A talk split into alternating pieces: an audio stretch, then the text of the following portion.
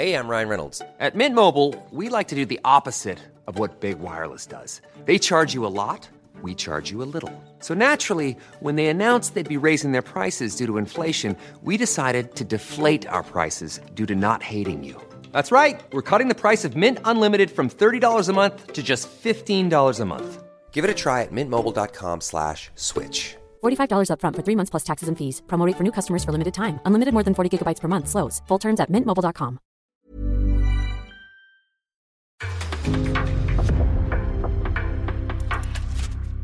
En podcast från Aftonbladet. Fyra raka segrar. Ja, vad är det som gör Hammarby så bra i år? Har Rosengård studsat tillbaka nu? Och vad är det som händer med Vittsjö? Dessutom veckans stora snackis. Lia Williamson, ännu en stjärna som missar VM och nu krävs det att Fifa, Uefa och nationsförbunden tar ansvar. Korsbandsskadorna måste tas på allvar, helst igår. Ja, det där och en hel del annat väntar i veckans avsnitt. Så vad väntar vi på? Nu sparkar vi igång! Varmt välkomna till ett nytt avsnitt av Famplys. Det är ju onsdag idag, inte tisdag som vi ska försöka släppa de här avsnitten på. Vi har ju inte varit jättebra på det kanske heller i hela tiden den här säsongen, men vi ska försöka landa på tisdagar hos er som lyssnar. Men av den här, i den här veckan så finns det ju faktiskt anledningar till att vi inte kunde göra det och det har ju att göra med mina kära kollegor som jag har med mig här, experterna på Viaplay, Saga Fredriksson och Per Lagerström. För eh, igår så presenterades det ju att ni ska åka långt i sommar och länge två experter på plats under VM-sändningarna i sommar. Per, om vi börjar med dig. Eh, hur känns det att täcka den lilla, lilla kontinenten Australien?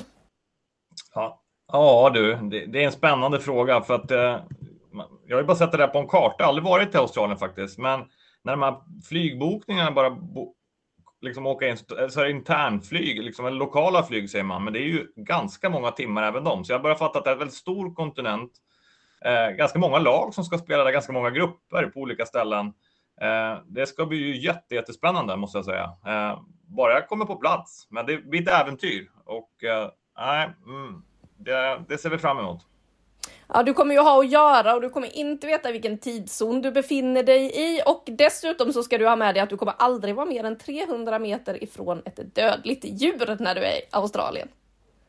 Är det så? Och jag har ju faktiskt en dröm också. Jag vet inte om man ska dela den i podden, men jag har ju en passion förutom fotboll, det är att surfa. Och jag har en idé att eh, kunna få göra ett reportage. Jag vet att det är vinter, alla säger det, men, men, men man kan surfa ändå. Ett reportage där man kan stå på en surfbräda för att ta vågen. Det tycker jag är samma liknelse som när man sätter den här matchplanen och allting stämmer, bara får det här flowet. Sätter jag den, då är jag, eh, då är jag pricken över i på den här VM-resan. Har du någonsin, alltså, har du någonsin surfat i ditt liv Per? Ja, ja, det har jag gjort. Okej, okej, men då, då är jag lite mer, det är lite mer trovärdig. Man kan liksom inte bara droppa där jag tänkte ta vågen. Precis som att det var det enklaste man kan göra. Men eh, det är fint. Då ser jag fram emot det här eh, väldigt extravaganta reportaget du tänker göra. Mm. Mm, då vet vi vad vi har väntat oss från Per och som du är inne på. Det kommer ju vara vinter där, men vinter i Australien, ja, det är ju ändå typ 10 grader eller något sånt där åtminstone. Men ja, nej, det kommer ju bli kallt. Saga, du ska ju också i, till Nya Zeeland då istället, inte Australien, för att följa Sverige. Hur blir det att göra VM-debut? hörru? Ja, det vet jag inte riktigt ännu. Jag tror inte riktigt det har sjunkit in att jag ska dit och härja. Eh, men det är ju en enorm tacksamhet känner jag i alla fall att få möjligheten att vara där. Det känns riktigt kul att få följa Sverige på nära håll i ett mästerskap. Eh, sen ser jag verkligen fram emot att få se så många otroligt bra spelare live. Eh, det är klart att när man jobbar i det här jobbet så så ser man många bra fotbollsmatcher, men det är någonting speciellt att vara på plats och, och få vara, ha den närheten. Så att jag är jag verkligen förväntansfull. Det är jag. Sen är det ju att du ska ju faktiskt också dit och härja. Det finns Ja, lite jag- rutin hos Anna. Ex- Eh, vi- exakt. Man får ju ringa där innan hur man ska packa och dona. Vet inte. Ja, jag har hunnit göra några mästerskap nu. Jag tror väl fotbolls-VM 2015 var mitt första och sen så har det ju blivit eh, både fotbollsmästerskap och OS och annat. Eh, men den här blir ju spännande för att det blir ju väldigt, väldigt länge. Det blir väldigt, väldigt långt borta och eh, ja, jag har ingen aning om det där med packningen, men jag åker ju lite innan det så jag kan eh, tala om vad ni ska ta med er och inte och sådär. Så att eh, det blir nog lugnt. Det blir ett eh, långt äventyr i sommar, men det ska ju bli jäkligt kul att se vad det här mästerskapet faktiskt kommer att bjuda på i och med att eh, som premiären, man behövde flytta den till en större arena. Vi vet redan att det pratas om 80 000 till den matchen, men hur kommer det se ut i övrigt? Eh, det är ju inte så att fansen kommer vallfärda från Europa precis för att följa sina landslag. Det är ju en väldigt lång resa, en dyr resa att göra för de som vill se eh, liksom VM på plats. Så att, nej, det blir spännande. Vi kommer ju ha utmaningar också allihopa med hur vi ska få med oss svenska folket och intresset och allt kring det här mästerskapet. Så nej, det blir kul. Men hörni, vi kan väl dra igång på en gång med eh... Veckans svep. Underbart, mina vänner. Nu ska ni få hänga med återigen liksom en, en omgång i damasvenskans tecken. En eh, som sen april månad. Och ni, Saga skulle ju ha massa popcorn på plats. Jag hoppas du hade det när, när man satt på, jag vet, du var inte på plats, du var så på tv, på Joel Kettelsberg debut mot Vittsjö, all Rosengårds kris. Den tog slut efter 38 sekunder när Karin Lundin gick in 1-0. Sen gick det där som på räls. Maskinen Rosengård vaknade, vann ganska enkelt med 4-0. Sen fick vi, gick vi vidare upp till liksom, succénykomlingen Norrköping som vad kallar vi dem? The, The Giant Slayer, Djurgården, som vinner mot alla topplag. Och hur skulle det gå? Jo, nykomlingen Norrköping vinner den här matchen. Vilma Leidhammar, liksom, otroliga målskytten, dunkar in två i början inför kurva Nordahl. 3-2 vinst. Sen var det väl nästan det här, jag kan inte säga ödesmatchen för Växjö mot Örebro. Ett Örebro som man inte riktigt vet vad man är. Ett Växjö som Evelyn Idjes kanonskott. Hade den, hon, stå, alltså hon drar den från 35 meter. Rib, alltså två dess, nej, två centimeter kortare mot ribba in. Men Juliet Kempi trycker in det där oerhört viktiga målet för Växjö som gör att de tar sin första trepoängare. Sen, vi kommer, inte riktigt där, men vi kommer till en guldmöte. Men, tror jag, men ytterligare en guldkandidat är Kristianstad. När allting stämmer visar de De vinner väldigt enkelt, gör fortfarande mycket mål nu var det Erik Stotte som gör två mot IK Uppsala. Sen går vi vidare och tänker att ska Brommapojkarna klara Piteå och spela bra, bara stabilt försvarsspel, sitta ihop? Nej då, de kan absolut anfalla också. Piteå går från klarhet till klarhet, vinner med 4-1 borta i Stockholm på Grimsta. Sen BK Häcken, ganska enkelt städar man undan IFK Kalmar 3-0. Det tar lite tid. Koivunen var räddad. Jag tror han hade 27 avslut den matchen. Felicia Skröder, 16-åringen, gör mål igen. Han kunde faktiskt gjort två, en utropstecken. Häcken hänger med i guldmatchen. Men jag satte rubriken innan matchen på den sista måndagen. För mig var det ett guldmöte, även fast omgång fyra, för jag tycker att de här två lagen har den potentialen. Linköping tar alltså ledningen mot Hammarby, men vilken vändning får få se. Någon som har frågat om Hammarby bara ska handla om Champions League. Jag tycker de skickar en tydlig signal. De vinner borta mot Linköping med 3-1. Nu tror jag att vi kan skriva in dem som en titelutmanare resten av säsongen.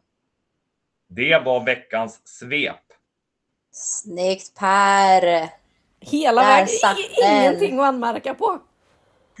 Däremot så måste vi ju såklart reagera på det här eh, svepet. Vi kommer ju snacka mer om eh, den allra sista matchen om en eh, liten stund och djupdyka i Hammarby. Men eh, Saga, du skulle ju poppa de där popcornen och eh, förra veckan så sa du ju när du satt och funderade här på vad ska, vad är det Rosengård ska göra som är så tydlig förändring? Ja, Karin Lundin till exempel sa du 38 sekunder tar det och sen har hon gjort mål. Vad, ja, vad, vad säger du om det du såg? Att jag hade tur i min gissning. Nej, nej jag, jag måste säga att eh, det är ju det är en klar förbättring från Rosengård. Eh, men frågan är liksom hur mycket man kan eh, lägga på att det är nytändning och hur mycket man kan lägga på taktik. Oavsett så är det ju eh, det rakare spelet jag tycker vi ser. Och det, det här, jag vill ändå faktiskt lite stoppa mig själv när jag säger att det är helt nytt för den här matchen.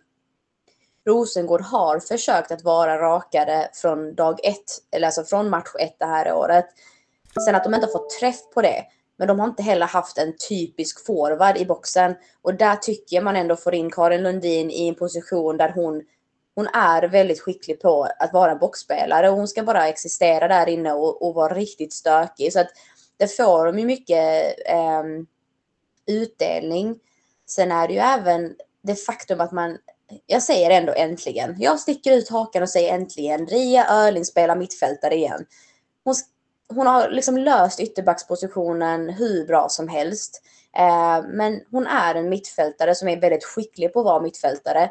Eh, jag tycker hon är, jag har sagt det förr, men det här förmågan att bryta linjer genom att driva boll. Det är någonting som inte alla kan göra och behärskar. Så med det sagt så, jag tycker de får effekt av de här sakerna. Um, men det blev ju ingen popcorn-tillställning hörni. För att eh, Vittsjö bjuder ju inte upp till dans. Eh, vi kan ju prata hur mycket som helst om Rosengård och vilken effekt de hade av, av byte och så vidare. Men det är faktiskt inte ett Vittsjö som jag förväntade mig det här året. Eh, jag har alltid tyckt dels att försvarsspelet har varit gediget, men offensivt så kliar jag mig i huvudet. Jag vet inte om ni delar, delar uppfattningen. Det jag reagerade på först och främst, eh, jag messade ju dig där Saga och är fortfarande oerhört fascinerad över att du klarar av att titta på matcherna i efterhand och inte få resultaten spoilade.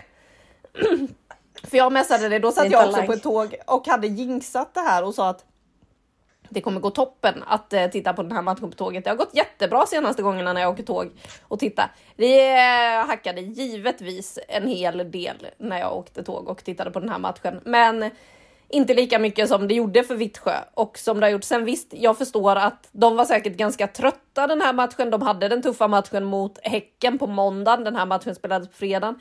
Ganska kort om tid för att återhämta sig däremellan, men man ser ju hur mycket de har tappat bara längst bak i form av Sabrina D'Angelo. Dels lugnet, pondusen hon hade, men också en del av de målen som de har släppt in de senaste matcherna. De hade ju D'Angelo aldrig släppt in. Nej, och, det, och jag tycker det är helt Det börjar nästan där, om vi tar premiärmatchen mot, mot Hammarby. Eh, där Burdett tycker jag står felplacerad på en inte reagerar. Och då helt plötsligt, om man har liksom, en av Vittsjös styrkor alla år är ju, som du var inne på Saga, försvarsspelet, hur man sitter ihop. Och börjar man tveka bakifrån, så inte att få någon var men man har haft D'Angelo alla år, då sprider sig en liten osäkerhet i det, liksom, i det där tror jag. Man, det var samma sak tycker jag mot eh, Häcken också. De kom fel i en utrustning. Eh, liksom, det, är, det är stabil mycket, sen händer det någonting och det sätter sig hela laget. Ska jag så att jag håller med, det, det är en, ett svagt Vittsjö. Ska man ge dem någonting så fick de Polkinghorn skadad eh, dagen innan i backlinjen. Det är ju ett jätteavbräck när precis Katarina Gorry också är borta. Så att vi får väl, tänker jag, kanske vänta lite till, men det är för mig eh, hmm, då, då, då räcker inte Vittsjös trupp till när de två spelarna är borta. Jag skickar en sak till den här matchen som jag tänkte på. Fick, försökte sälja in det här till Sagan. Hon, hon, eh, jag fick inte med henne på det, jag ska få med dig på det här Anna nu, men vi kan ju vänta till åt, när de möter Hammarby och Rosengård, eller även mot fredag. Men Jessica Wik. Jag tycker hon är lite bortglömd för landslagsdiskussionen. Um, kan springa hur mycket som helst, orka springa hela vägen upp, orka springa ner. Vi måste kunna ha ytterbackar som kan stänga ner några av de bästa lagen i världen, framförallt defensivt. Jag tycker hon kan fortfarande vara en kandidat till VM-truppen. Eller hur Anna? Alltså, kandidater finns det väl ganska många som kan vara. Sen så tror jag ju kanske inte riktigt att hon i slutändan kommer vara en av dem som är aktuella eh, på de där positionerna. För att, jag menar, ute till vänster, där har vi ju John Andersson som är tokgiven i en eh, landslagstrupp. Och sen så har vi Nildén och Sandberg som gör upp där jämte. Sen visst, Jessica Wik, hon har erfarenheten eh, som talar för henne gentemot Nildén och Sandberg. De är namn för framtiden som kan vara bra att få in. Så det beror väl också kanske lite på hur mycket erfarenhet man tappar annars i truppen för att där finns det ju en del frågetecken just nu kring den svenska VM-truppen när vi har Hedvig Lindahl out, eh, vi har Caroline Seger som just nu är skadad. Det är ingen som vet om hon kommer få ett bakslag igen Eh, när hon kommer tillbaka. Det är klart att man hoppas att eh, med tanke på vad hon betyder för det här laget att hon kommer vara med. Vi har Kosovare Asllani som inte spelar i Italien som fortfarande går och säkert är lite frustrerad över de där ljumskproblemen som hon dras med.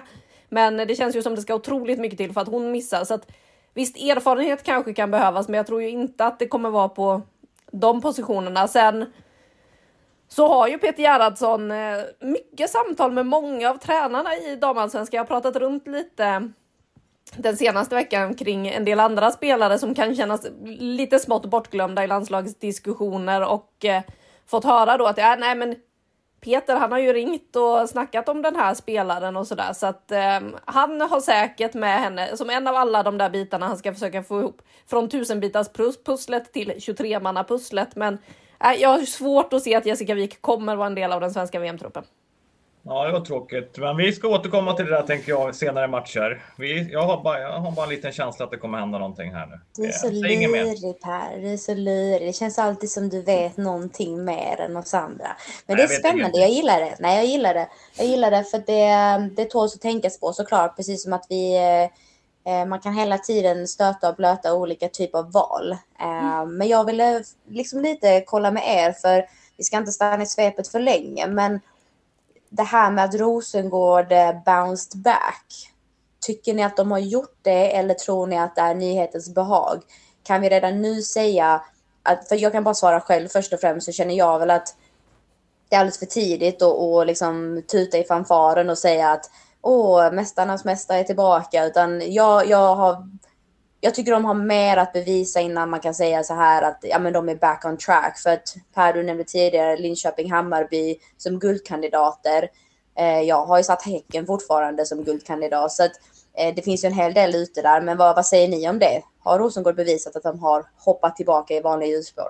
Nej, Nej. det är bara att titta på tabellen ju. Eh, de har mycket kvar att bevisa eh, faktiskt. Eh, men också, jag vet inte de, de, får gärna motbevisa mig, men min, jag tycker ändå bedömningen var inför säsongen satt man, ska man säga Rosengård som segrare? Jag tror det var några som sa det, några som inte. Men nu då, eh, så tänker jag att det är snarare Champions League.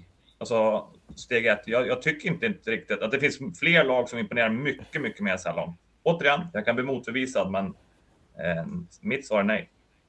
Jag håller helt med och eh, känner väl lite att man inte heller kan ha Vittsjö som testet är Rosengård tillbaka. Visst, det är ett tufft Skånederby, men det var ett sargat lag man mötte som ni var inne på. Dessutom Sandra Adolfsson som precis hade kommit tillbaka från att ha varit sjuk. Hon missade ju matchen mot Häcken.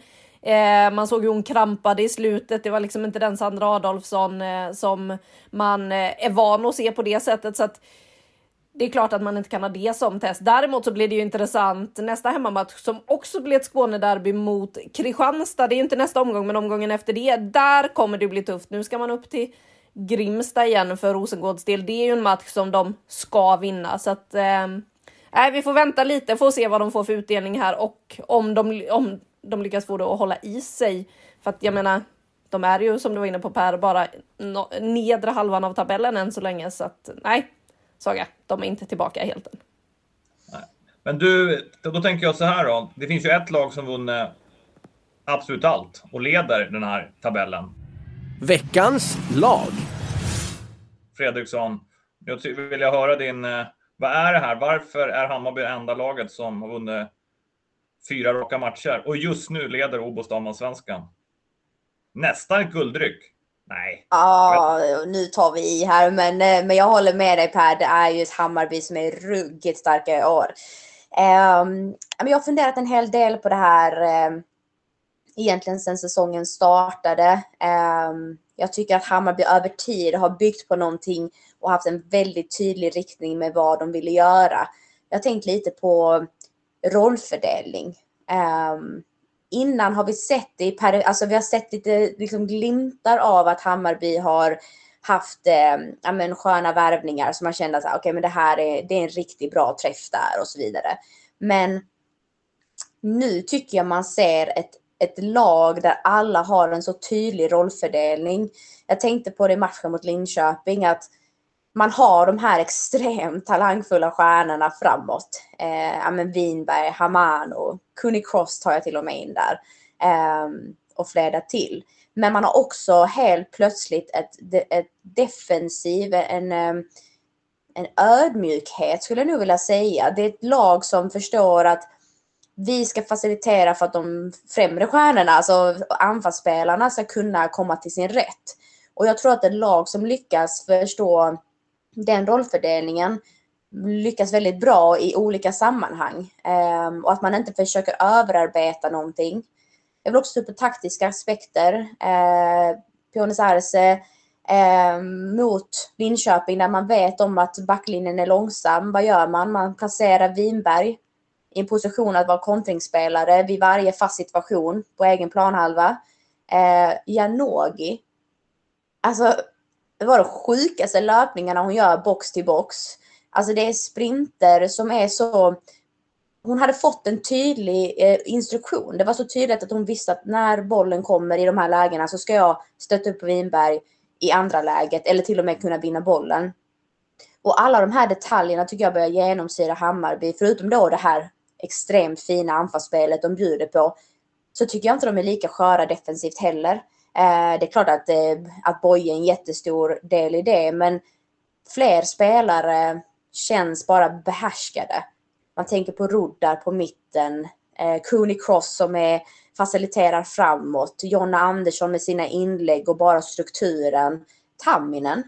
Vilka jäkla gångsättningar hon hade i den här förra matchen. Så att, som sagt, man har värvat smart utifrån hur man vill bedriva sin fotboll. Um, tar vi matchen som sådan, återerövringsspelet, jag, jag hade ju för, förmånen, ska jag få mina ord rätt här, förmånen att lyssna på dig Per. Uh, och jag tyckte du poängterade så mycket bra grejer i den här matchen. Återerövringsspelet var exemplariskt. Det finns en sekvens när Capox blir alltså överbemannad av fyra Hammarbyspelare. För det fanns ingenting annat än att vinna tillbaka den där bollen så fort de tappade den. Eh, maxlöpningarna. Alltså det, vi hade en konversation du och jag Per om det här med eh, vad, vad är det egentligen här man kan väga taktik gentemot att gå 100 procent.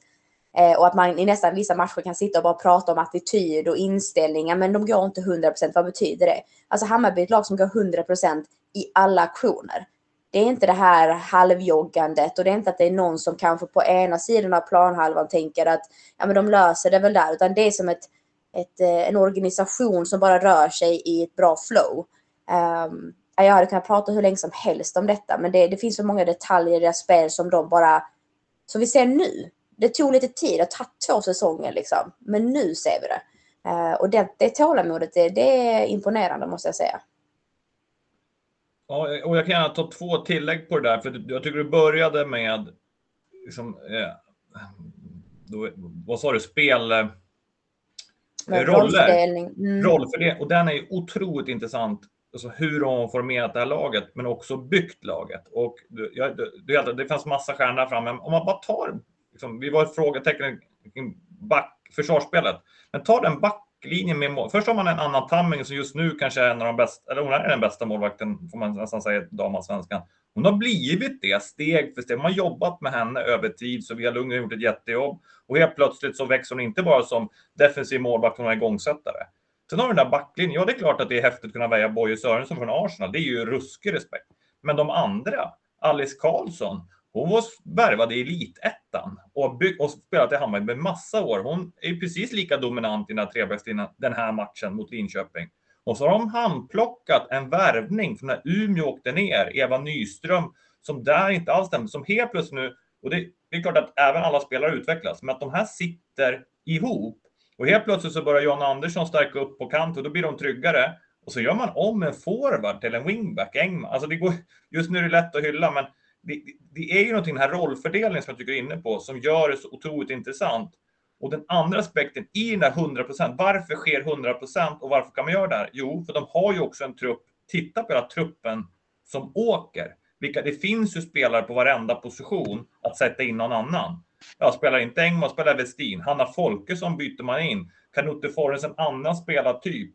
Wangerheim är på väg i trend. De har ju en enormt faktiskt vass trupp över 23 spelare som jag tror bidrar till den här intensiteten. Jag såg bara lite klipp från, från deras träningar. Det går riktigt fort alltså när de kör.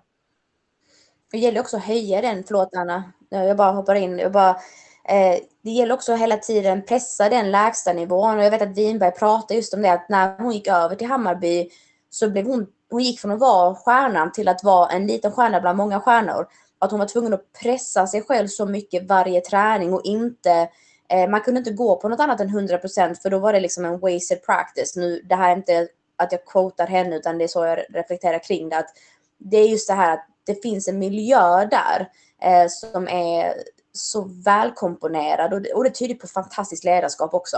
spelaren i all ära, men, men eh, ledaren, ledarstaben, klubben har tänkt rätt i hur de vill eh, liksom, kompon komponera allt detta framåt. Mm, det jag tycker är intressant också är, eh, det blev en del diskussioner kring deras truppbygge och spelarna de valde att släppa inför säsongen och sådär i Hammarbykretsar. Eh, men när man ser hur de spelar i år så är det ju svårt att säga någonting om just det. Det man däremot ser, om man jämför, det måste ha varit ganska, nu har jag inte tittat datumet, jag bara reflekterar till eh, samma period i fjol, för jag vet att jag tittade på Linköping-Hammarby när jag satt i München förra året i samband med att jag var ute på en reportageresa och då skulle jag vidare till eh, Champions League-semifinalen i Barcelona. Och eh, det väntar ju även den här veckan, så det borde varit ungefär samma tid. Då blev ju Hammarby överkörda av Linköping och när de då släppte in det första målet nu, så som de gjorde det när Alice Karlsson går bort sig lite, det är ingen kommunikation mellan Tamminen och Boje Sörensen. Eh, då känner man ju bara, okej, okay, vad kommer hända nu? Kommer de falla igen? I fjol hade de gjort det.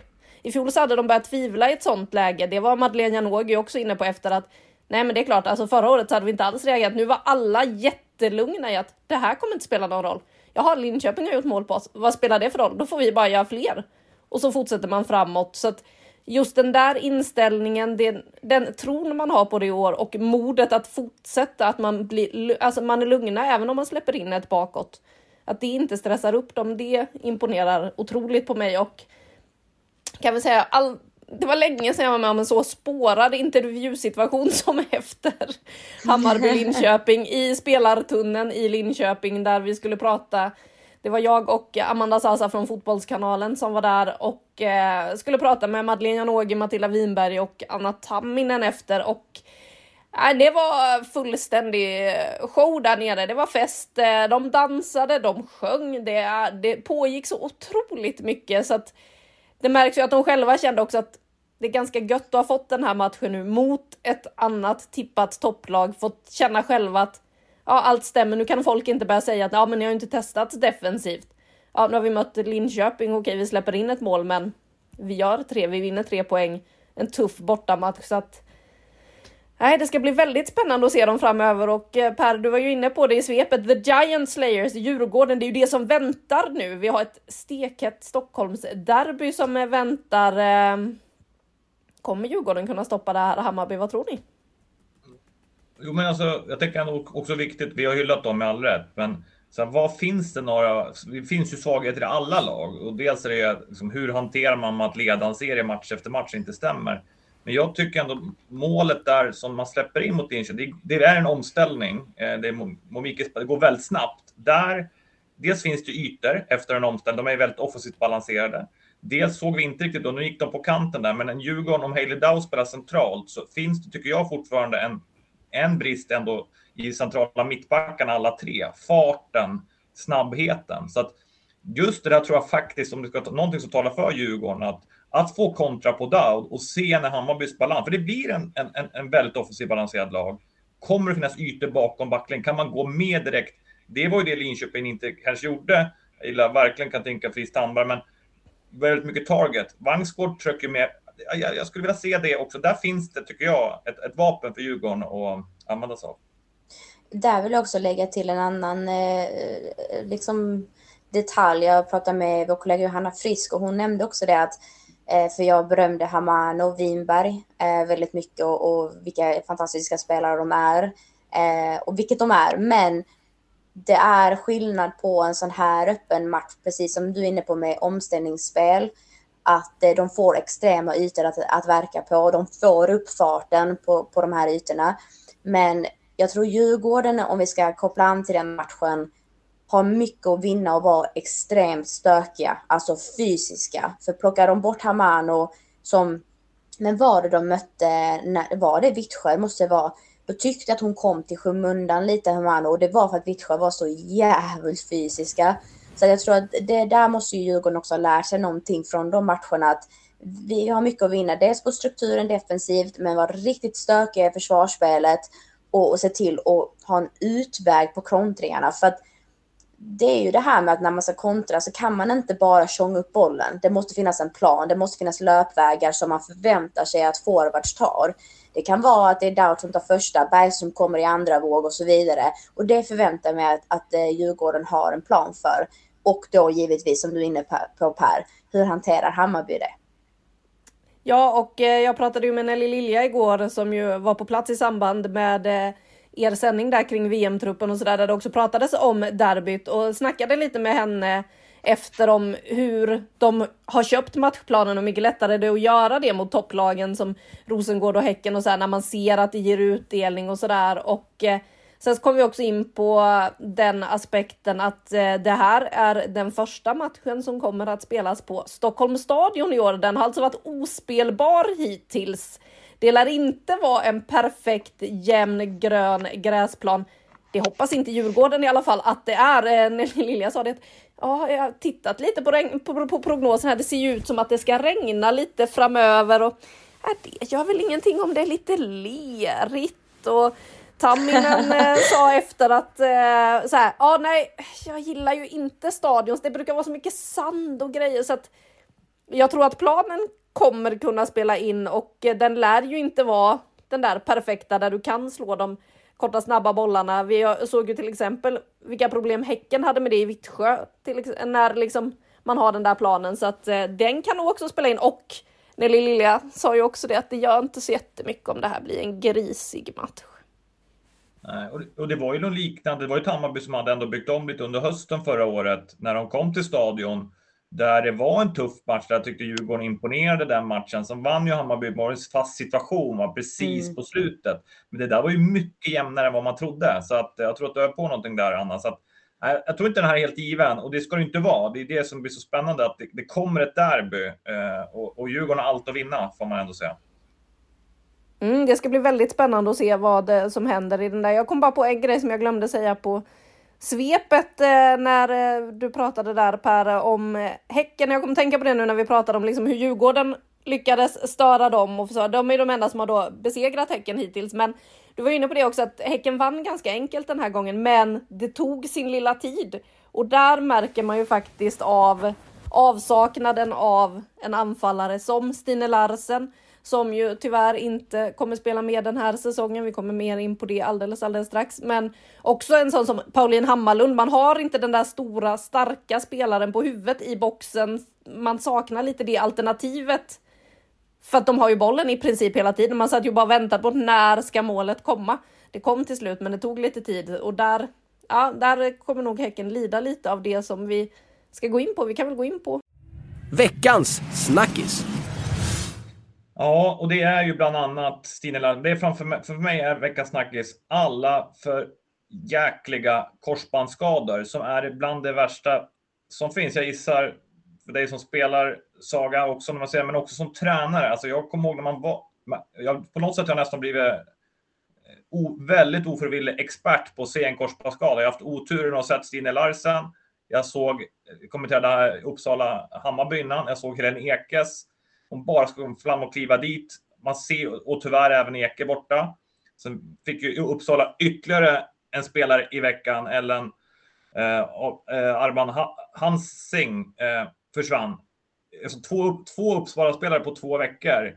Och alltså snackisen i det här, jag vet att det har gjort studier tidigare, man säger att på elitnivå så är det inte fler damspelare än herrspelare. Men jag, jag utmanar den där studien. Jag skulle vilja se den igen. För att bara för några veckor så ser man Lea Williams som, så, och ser man direkt att det är ett korsband. Och det är ett korsband.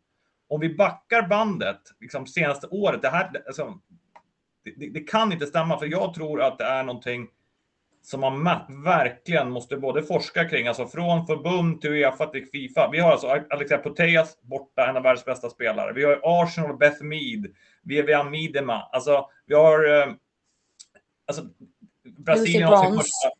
ja, nu var det kanske inte korsband, men en annan skada, men, men en knäskada. Mm.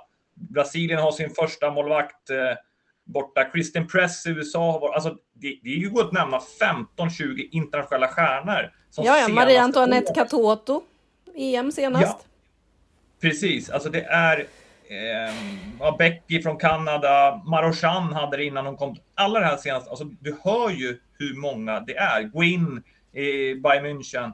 Alltså det här är inte rimligt att så här många spelare är skadad. Vi har ju en period nu där Champions League har fått gruppspel. Där vi har väldigt tajt mästerskap, det har vi alltid haft, men det är fler matcher. Varför sker det här? Och hur, framförallt den stora frågan, snackisen för mig, hur fasen ska vi förhindra det här? För att vi kan prata så mycket positivt om damfotbollens utveckling, men om de stora stjärnorna inte är på plan, då får vi ett problem. Och framförallt för individerna. Så att för mig, Häcken får ett jätteproblem. Uppsala, alltså två back, i backlinjen på två veckor ska vara borta 12. Nej, det, det är för mig, jag vill bara skicka med någon ska ansöka om studiepengar och ta reda på vad fasen beror det här på.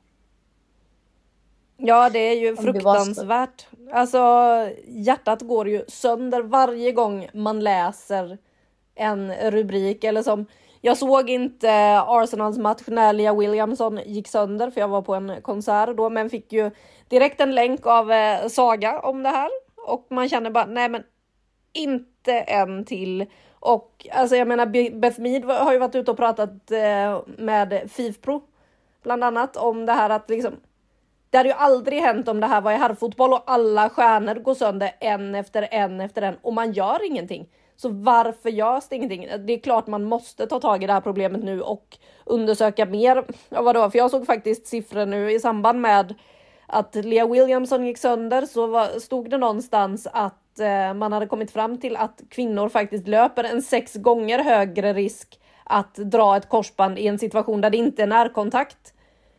Och att det bara dras och det är ju fruktansvärt. Det är klart man måste ta reda på vad det beror på. I någon artikel hos Sky Sports då så stod det att det bland annat kunde ha att göra med menscykeln, hormonerna i kroppen, eh, hur det påverkar. Det stod också att det kan ha att göra med eh, det här med skorna, att de från början är anpassade efter män och styrkeförhållandena i dem när de fastnar i gräs och så vidare. Eh, det pratades om att det kan ha att göra med att kvinnor är svagare i baksidan. Alltså det är så mycket saker som man säger, det kanske har med det här att göra. Det är klart att man måste börja fastställa vad är det som spelar in och hur ska vi göra för att förhindra det? För det är inte rimligt att så här många stjärnor ska gå sönder vecka ut och vecka in. Hur många kommer vi ens ha kvar till VM när det går i den här farten? Alltså jag menar bara senaste veckan så har alltså Lea Williamson och Stina Larsen dragit korsbandet, Lu Lucy Bronze utbytt, nyopererad. Nu säger man ju att det ska gå ganska snabbt för Lucy Bronze, men ja, Sarina Wishman i England har ingen lätt uppgift inför sommaren som det ser ut just nu. Det är fruktansvärt. Nej, alltså, men du, du hör ju själv, liksom, det är exakt det jag tänkte på.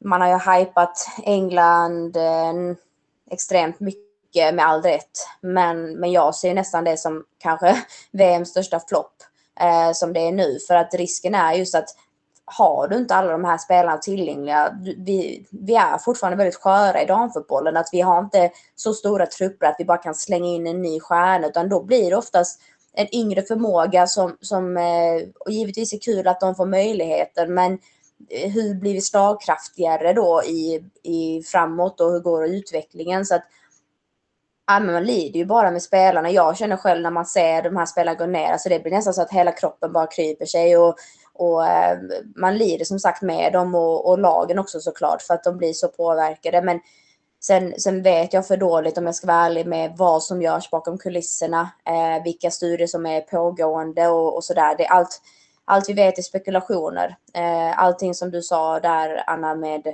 eh, både allting från hormoner till skor till diverse. Eh, man är trött på alla om och men man vill veta. Så att eh, är det, usch, det, här, det har varit liksom en sån grej hela, hela karriären har man bara funderat på. Eh, men, alltså hemskt sagt, vem, näst, vem nästa offret ska vara. Eh, jag, tacksamt nog, jag slår mig själv i huvudet nu för jag är skrockfull. Ehm, så har jag bara haft fotproblem. Och jag säger bara för att även om jag har opererat båda så har jag liksom inte det är ingenting jag lider av idag. Jag har inte jättestor risk till att det ska gå upp igen och så vidare. Även om jag nu sitter här med två virkade fötter av andra anledningar. Men, men ni förstår vad jag menar. Det är liksom en, ingen sån långdragen skada på det sätt som en, en knäskada är. Um, men fan, man ska inte springa runt och vara rädd som fotbollsspelare. Det, det håller ju inte och det tror jag inte de här spelarna är. Det jag tycker är anmärkningsvärt som Per nämner är um, det sker nästan inte alltid, men väldigt ofta när de är helt själva på planen. Det är ingen som tacklar dem. det är inte egentligen att de fastnar i gräset. Det är en rotation av något slag och så bara smäller det och så faller de ner. Det behöver inte ens vara hög fart. Och då undrar man ju vad i hela fridens namn är det som händer. Att eh, nej, jag eh, har inget klokt att säga om varför, bara att jag tycker det är jättetråkigt och jag är jätteledsen för spelarna som, eh, som uteblir. Ja, nej, vi kan inte snacka mer tycker jag. Vi, vi, vi vill ha en riktig vi vill ha evidens och vi vill ha en lösning. Och det, men det är en snackis när det sker så pass mycket. Så eh, Ja. jag tycker jag känner mig nöjd.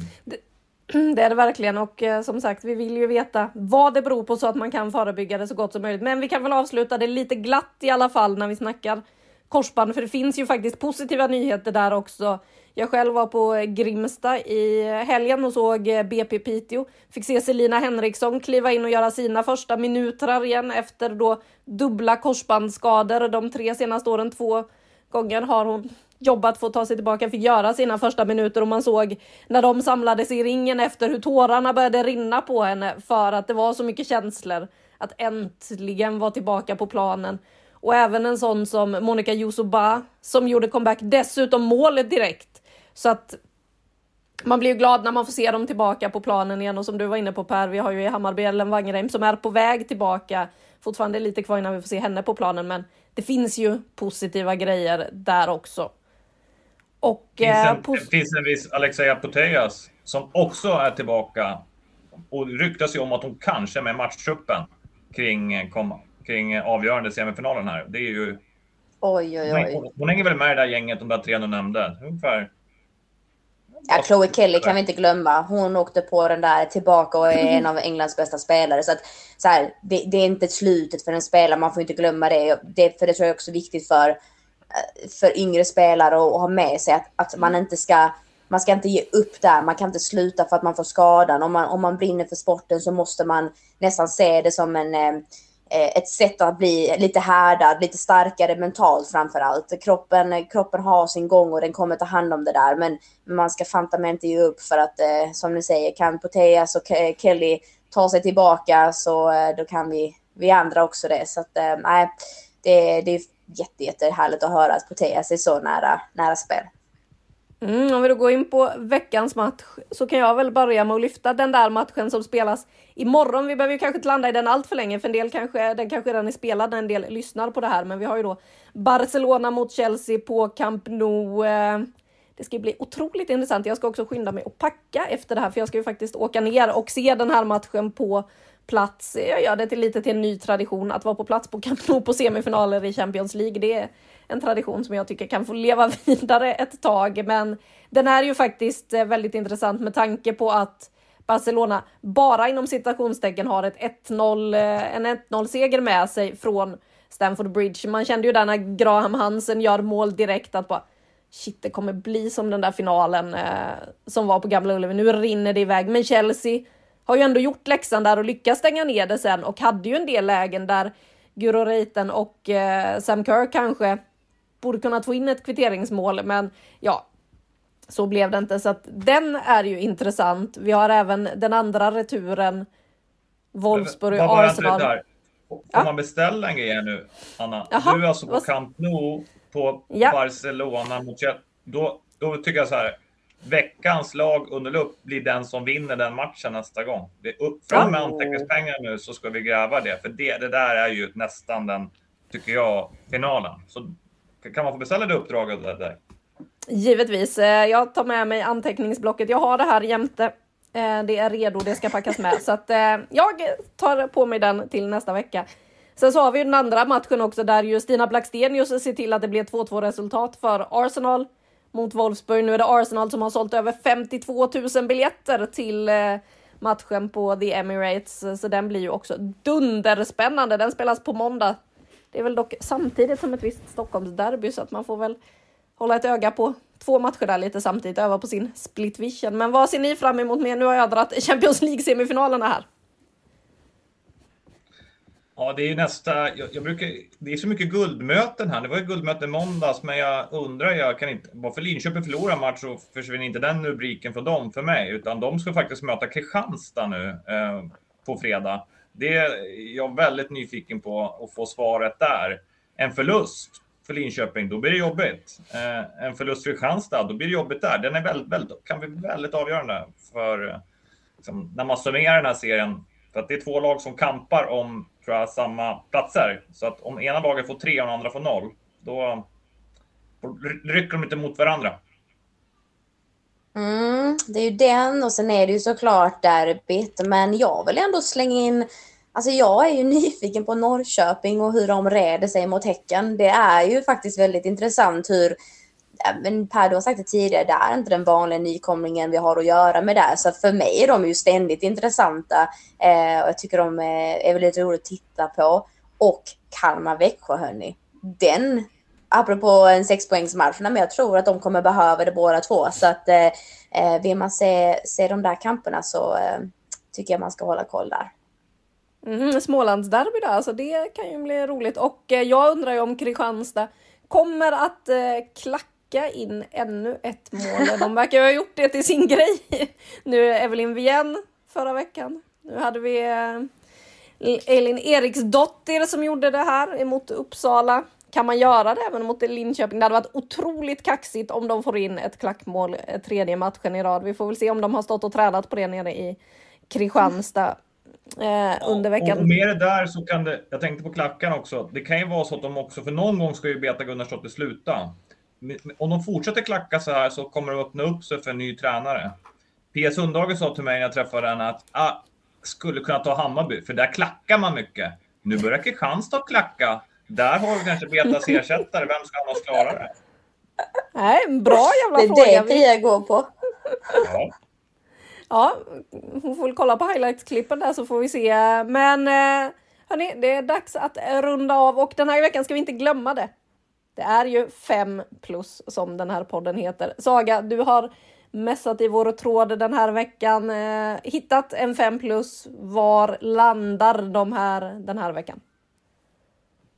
Eh, den här veckan landade på Hammarn och vilken klassspelare hon är, vilka mål hon gör. Eh, den där rakt upp i krysset, den tackar man inte nej till och då får man 5 plus. Mm.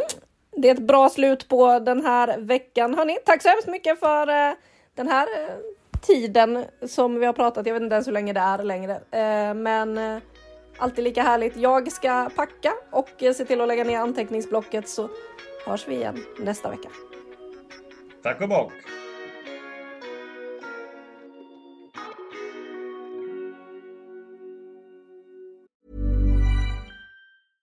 Ryan Reynolds here from Mint Mobile.